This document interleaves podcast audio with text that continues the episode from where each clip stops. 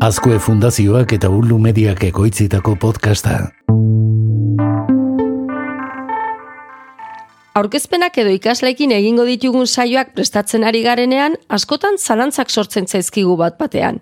Eta galdera mordo bat iristen zaigu burura. Non eskura ditzaket irudi libreak aurkezpenean txertatzeko, adibidez? Edo ikaslek euren lan batean soinu efektu bat sartu nahi baldin badute, nora bideratuko nituzke? Non topa ditzaket horiek guztiak?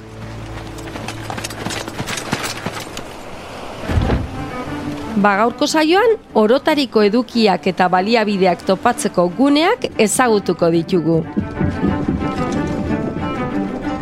Gaur, interneten murgilduko gara altxorrezkutuen bila. Prest? It's remarkable how often those two traits coincide.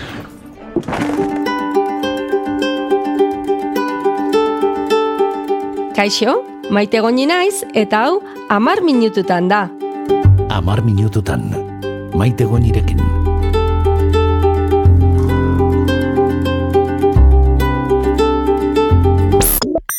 Maite, eh, hasi da, hasi da gorko saioa, ezta? Bai, bai, hemen gaude. Ze zalantza duzu ba. ez, ez, alantzarik ez, alantzarik ez, hemen eh, eh, beti zailen egoten naiz, eh, Ah. saioa noiz hasiko, ba, ba, asko ikasten dudalako, saio bakoitzean, naizu. Bueno, orduan da. interpretatu behar dut irrikitan zaudela, ezta? Irrikitan nago beti, emaren ditutan saiorako. Gainera, altxorra aipatu duzu, eta niri beti gustatu izan zaizkit eh, izugarri altxorraren bilaketa kontu hauek.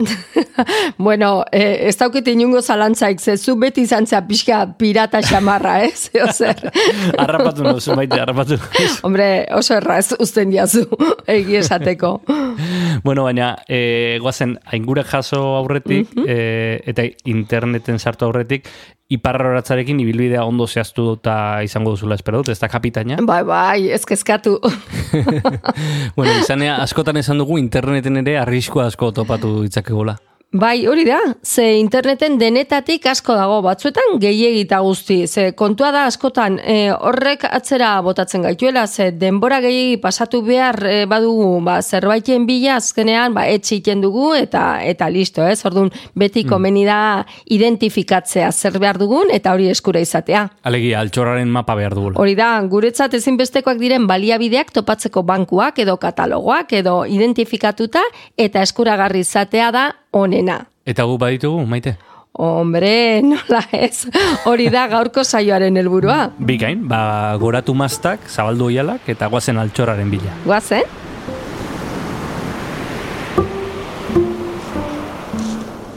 Adibidez, denok behar izaten ditugu noiz edo noiz irudiak. Bueno, hori irakasleok, e, ikasleek, baino beste edo nork ere, bai, eta noski tentazioa beti izaten da Googleera jotzea, hori. Baina kontuz, adi, esaten duguna beti Googleko irudi guztiak ez dira libreak orduan komeni da ba, beste banku batzuk izatea eskura eta eta gainera ba, aldala jabari publikoko irudiekin edo. Mhm, Doako irudien bankuak behar ditugu, ezta? Hori da. Eta adibidez, joan gaitezke Pixabaira, Pixabai. Gero ipiniko ditugu, eh? aurrekoetan bezala ba, link guztiak ba, euske, e, eskura izan ditzazuen. Baina Pixabaik, irudi banku honek, e, ba, komunitateak partekatutako 2,3 milioi irudi baino gehiago ditu. Orduan, e, eta denak e, jabari publikoan ez dago ez da aitortza egin beharriko, beti komeni da aitortzea ez da, ze, ze hori praktika hon bat da, baina ez badugu nahi, ba, ez dago egin beharrik ere. Orduan, nola topatuko ditugu hemen irudiak? Ba, gunera joko dugu, pixabai.com, eta bilatzailean, beti horrelakoetan bilatzaile bat egoten da, eta bilatzaile kutsatxo horretan ipiniko dugu, bilatu nahi dugun terminoa. Badakigu eta beti esaten dugu, ingelesez edo ipintzen baldin badugu termino hori, ba, bilaketaren emaitzak opara, oparoagoak izango direla, ez? Eta gero, iragazia egin dezakegu, irudiak orokorrean bilatu, edo vektoreak, edo argazkiak, edo ilustrazioak, eta bideoak ere topa ditzakegu.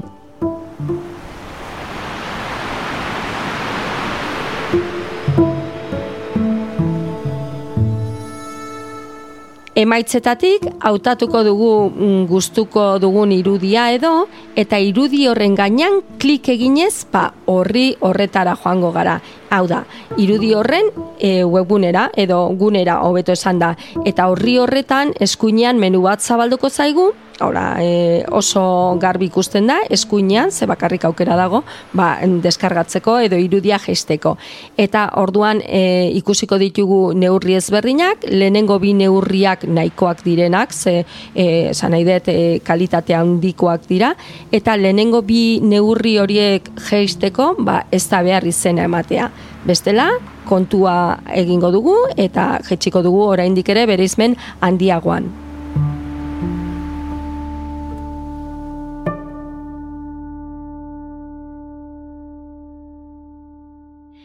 Eta e, Pixabay honek bezala funtzionatzen du Unsplashek adibidez, unsplash baita komen, ikure jartzen bali badugu interneten, topatuko dugu e, berehala. Eta gauza bera, ba, e, Flickr Creative Commons irudiekin, Flickr bilatzailea irudien bilatzailea oso ezaguna da, aspalditik dago interneten ba, denon eskura, baina badu atal bat ba, Creative Commons irudiekin. Hauekin bai egin beharko genuke ba, ipamena eta bueno, besteak beste Creative Commons irudiak badira, ba, bakoitzak bere baimen berezia du. Eh? Orduan, hemen ja komplikatzen da pixka gehiago e, gaia, ze ikusi beharko genuke ia editatzeko edo mosteko baimena dugu dugun edo erabilera komertzialarekin erabiltzeko eta bar. Beraz, horregatik diot, ba, Pixabay edo Unsplash bezalako jabari publikoan dauden irudiekin basko ez errezagoa dala. Eta gero, bitxikeri bezala, e, gure gipuzkoa.eus e, aipa dezakegu, hemen baserrietako targazki zarrak eta ederrak daude, baita Creative Commons e, e, lizentziapean, eta benezi du begitxo bat botatzea, gure gipuzkoa.eus.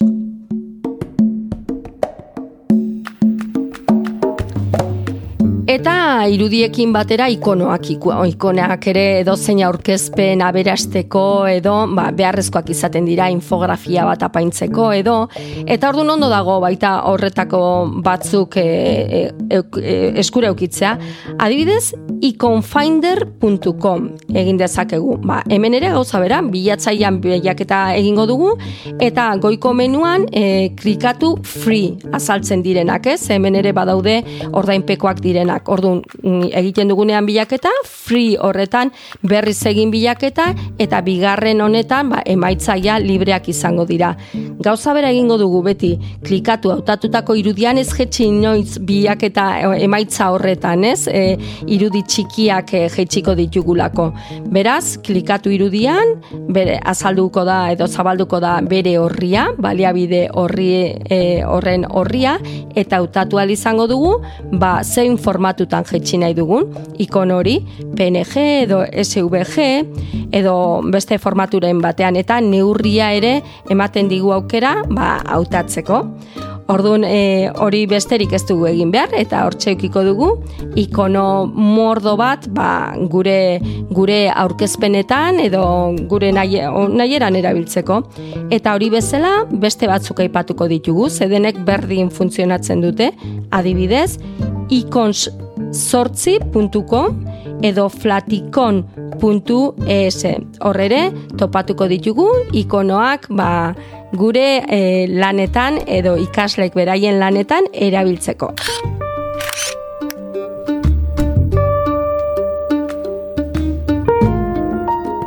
Beste kontu bat oso oso garrantzitsua izaten dana guretzat baita audioak eta efektuak eta soinuak izaten dira, ez? Hemen hezkuntzan e, oso garrantzitsuak dira aberasteko, ba esan dugun bezala, ez? Gure aurkezpen horiek, gure ikasleek gero eta gehiago txertatzen dute beraien ahotsa eta salpenak euren lanetan eta orduan alde handia dago audio edizio bat zer esango dizut oier, zuko sondo dakizu, ez? Gai honen inguruan e, oso ezberdina da ba, audio bat bere horretan ba, hitz egiten bezala ipintzea edo e, soinuak, efektuak txertatzea.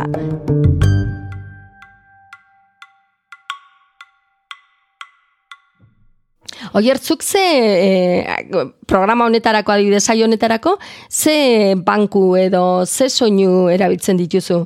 Begira, guk dauzkagu ulu median bi banku kontratatuta. E, Bata da Epidemic Sound, oso ezaguna. Eta bertan, e, bertan musika baino, e, gehiago erabiltzen dugu e, foleiak edo soinu efektuak e, e, ba, erabiltzeko. Eta e, bestetik erabiltzen dugu Blue Dot Sessions izeneko e, beste banko bat e, oso oso interesantia. E, app.sessions.blue da webgunea. Eta e, honakoa da musika en, e, banku bat, baina pentsatua preseski e, podcast gintzarako. Eta Ah, Eta hor, bueno, e, besteak beste e, sartuta daude Gimlet Media, e, NPR eta estatu batutako hainbat e, podcast ekoizle. Eta bueno, ba, oso, oso erakargarria da, ze gainera aukera ematen du abestiak jaizteaz gainera, e, e, abesti bakoitza e, instrumentuka edo pistaka deskargatzeko. Ah. Bai, oso, oso Oh. interesgarria. bai, bai, bai. Eta hori esaten diazu ordainpekoa da, ezta? Bai, bai, hemen, e, bueno, dena dela e, lizentzia ezberdinak daude, eh? E, Mhm, bai. e, abestiaren Orduan arabera. da bai. free eta freemium eta horrelakoak, ezta? Bai, bai, eta bueno, e, aukera ematen dizu e, arpidetza bat egiteko zure produzioaren e, aurrekontuaren arabera, arpidetza ezberdina daude, eta eta horrek, ba, bueno, hilabetero ordaintzen duzu diru bat, gure kasuan hogeita bost dolar ordaintzen ditugu hilabetero, eta horrek ematen dizu eskubidea, ba, erabiltzeko bertako musika zure oso, oso, proiektu. ondo. oso interesgarria guk irakasleok badakizu beti ibiltzen gara doaineko gauzen bila eta hori eta ordu nik aulkatu behar dudana da intefeko soinu eta irudien bankua ez justu irakasleentzat prestatuta dagoelako eta ordun hemen ere gauza bera sartzen garenean intefeko soinu eta irudien bankura bilatzaile bat topatuko dugu eta hor e, hautatuko dugu zer nahi dugun bilatu edo klikatu laukitxo batzuk daude, ba, argazkiak nahi dituzu edo bideoak, soinuak, ilustrazioak, animazioak edo dena batera, ez? Eta ordun bilatzailean hitza ipinita, ba, emaitzak jasoko ditugu. Eta ematen dizu aukera, ba, oso modu errazean e, baliabide horiek jesteko.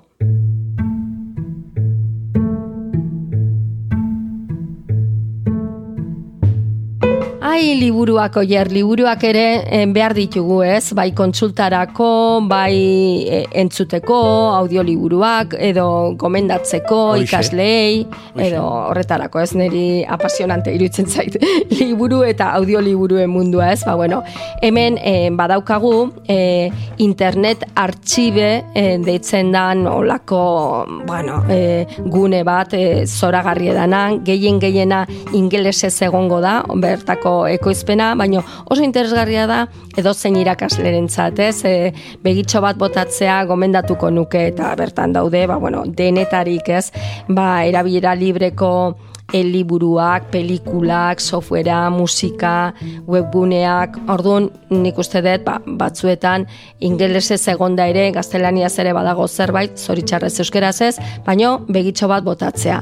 Eta bestela Google liburuak ere ez, Google Books ezaguna, e, honek ematen du aukera, ba, bilaketa egiteko, eta batzuetan libre jaitsi leiteke liburu hori, bila gabiltzan liburu hori, eta beste batzuetan ez dagoenean libre, ba, pasarte bat irakurri izango dugu, ba, gutxi gora bera ikusteko gustukoa dugun edo ez, eta ezkerrean zabaltzen da menu bat, ba, aukera ematen diguna, bertatik erosteko liburu hori. Bueno, beti da interesgarriagoa, ba, eh, aldameneko edo herriko liburutegira jotzera edo liburu dendara, ez, jotzera baino baita ematen dizu aukera ba ikusteko e, eta irakurtzeko liburu horren inguruan eta bar. Orduan oso baliabide interesgarria da Google liburuak. Gainera ematen du aukera liburu bat irakurtzen duzunean, ba reviewa egiteko, hau da ba e, apuntatzeko edo gomendatzeko bestei edo zure liburutegian gordetzeko eta ematen dizu hau oso interesgarria da ikaslentzat ematen du aukera jarraipena egiteko irakurri duzun guztiaren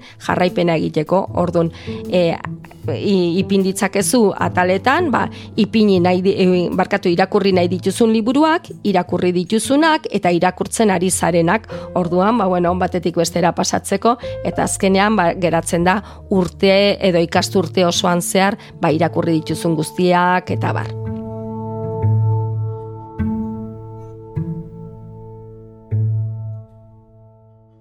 Irudiak, ikonoak, musika, liburuak, denetari du hemen maite. Hau pagotxa, hau da altxorra. ba, bai, eta gehieneak edo aipatzen ari garenak doakoak eta librea. Lehen pirata ditu nauzu, baina e, guri ez zaigu gauzak pirateatzea gustatzen. Nahiago dugu e, ba, Creative Comonsak erabili, eta badago nahiko eduki hortik zehar e, modu e, legal batean erabiltzeko. Bai, hori da, eta gaina hori musutruk dagoen baliabidi mordo badago. Hortik zehar, eta hezkuntzari begira ere, ba, interesgarria da ikaslekin gai, gai hauei buruz hitz egitea, eta batez ere erakustea, mm ba, nora jo behar duten, ez da gehiagik kostatzen, eta hezkuntzaren ba, zati bada hau ere ez, Creative Commons lizentziak ezagut ditzaten, zer esan nahi duen jabari publikoan egotea eduki bat, eta bai interesgarria edo norentzat, ez bakarrik hezkuntza komunitatearentzat. Hori izan behar nizun, eh, hezkuntzarekin harremanik ez duenarentzat ere, akaso gaurko zaila interesgarria ingo da. Bai, bai, bai, bai, nik uste dut hau edo zein entzat, edo zein erabiltzaieren zat interesgarria izan litekela, ze azkenean denok egiten ditugu aurkezpenak edo ia denak, eta denok behar izaten ditugu horrelako baliabideak. Tira, beste uarte batzuetara joango gara orain? Hori da, kapitaina? beste uarte batzuetara, lema zain. Han ere, altxorru gari dauzkagu eta zain.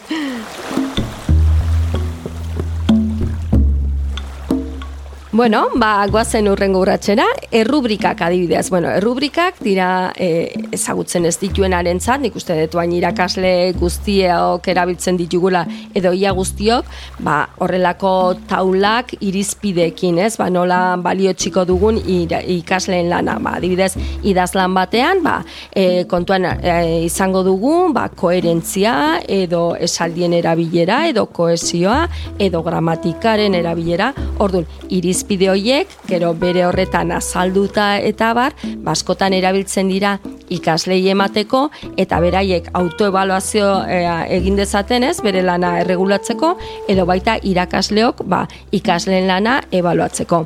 Ba, e, kontua da guk errubrika horiek e, sor ditzakegula, e, interneten badaude aplikazio mordoska digitalki sortzeko ere, baina badaude pila bat ez sortuta daudenak, orduan ez dago zertan gurpila asmatu beharrik, ba, hauzko aurkezpen bat baliagarria izan liteke e, ba, dagoen errubrika bat erabil bat dezakegu, ba, ez daukagu zertan ibili beharrik hor e, asmatzen eta asmatzen, orduan, e, joatema gara fedeken errubriken bankura, ba, han e, topatuko ditugu denetarik, denetarik, ba, ahozko jarduna e, ebaluatzeko errubrikak, edo talde lanak, edo podcastak, edo ikaslek egiten duten edo zertarako topatuko dugu egindako errubrika bat. Hori bai, normalean, ba, gaztelania egongo da, baina gero guk ardezakegu hori eta itzuli eta bar. Aipatu ditugun beste bi aplikazio adibidez, ba, Rubistar edo errubrika e, online egiteko balio dezakete, baina ez gera hai oentxe bertan aplikazioei buruz hitz egiten, ari gara e, errubriken bankuei buruz, ba, esan behar da, gune hauetan ere badaudela bankuak ba, e, ereduekin, eta ordun erabil dezakegu e, edo erabil ditzakegu gure errubrikak sortzeko beste batzuen, beste plantille batzuen gainean. Rubistar eta errubrika aipatu ditugu, eh? Beraz, begitxo bat botan nahi bali badezue, horiek oso interesgarriak dira baliabideak bai plantilla bezala erabiltzeko errubrikak sortzeko garaian, eta bai e, gure errubrikak edo modu digitalean sortzeko ere.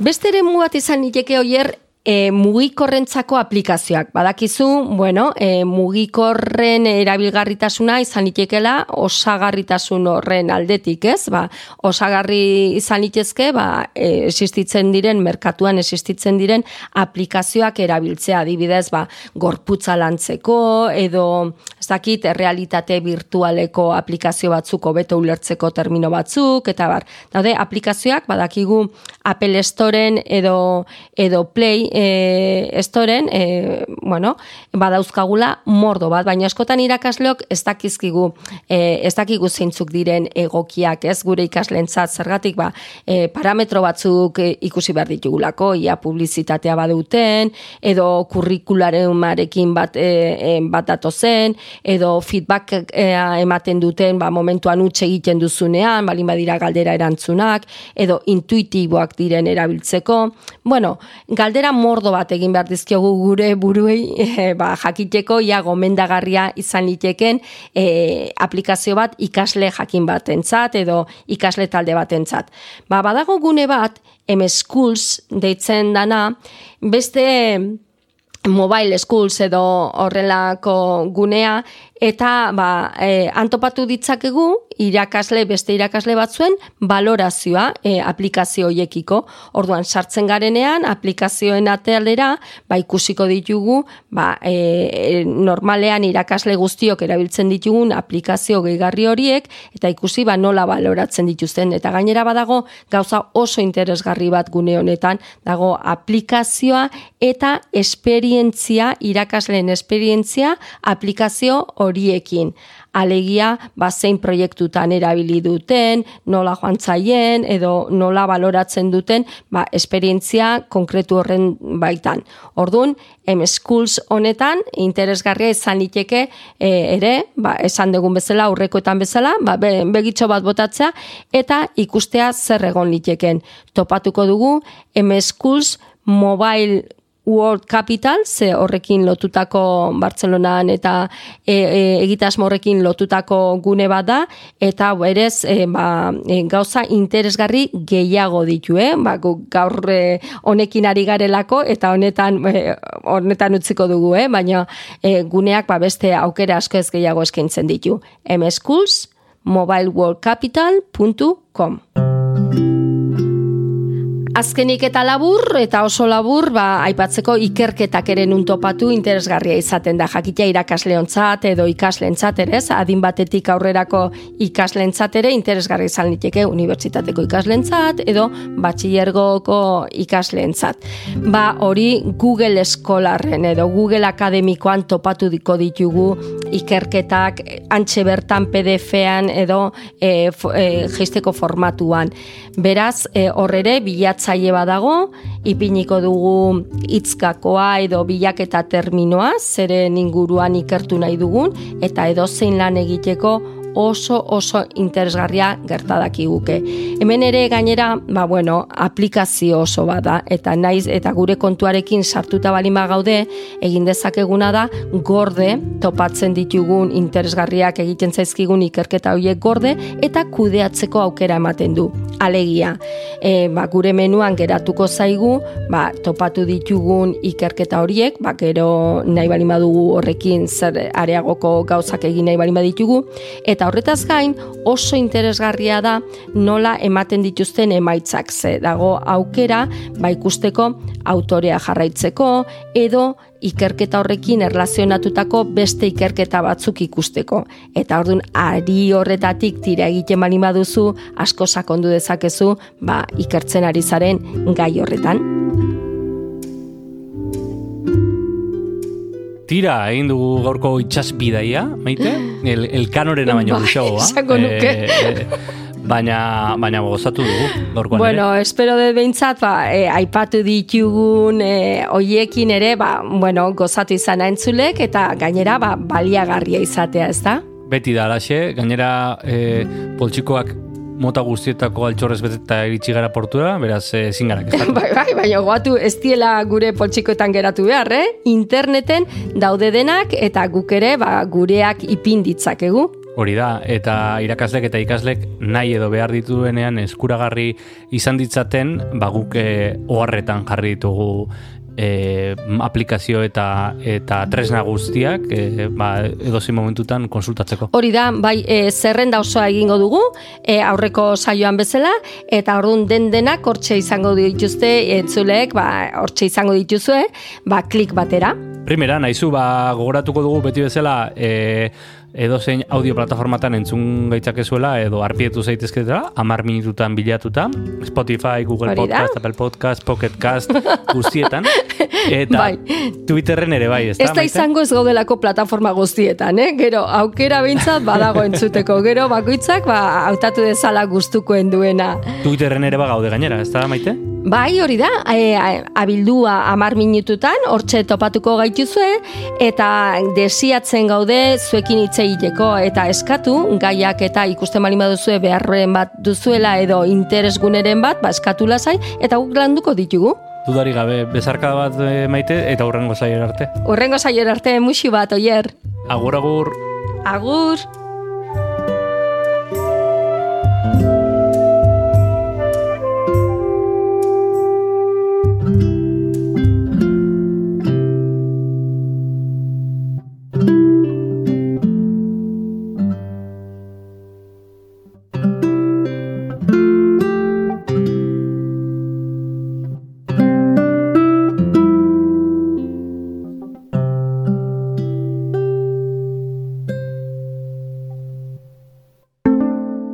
Azkoe fundazioa. Ei, txt, entzun hori. Ulu media.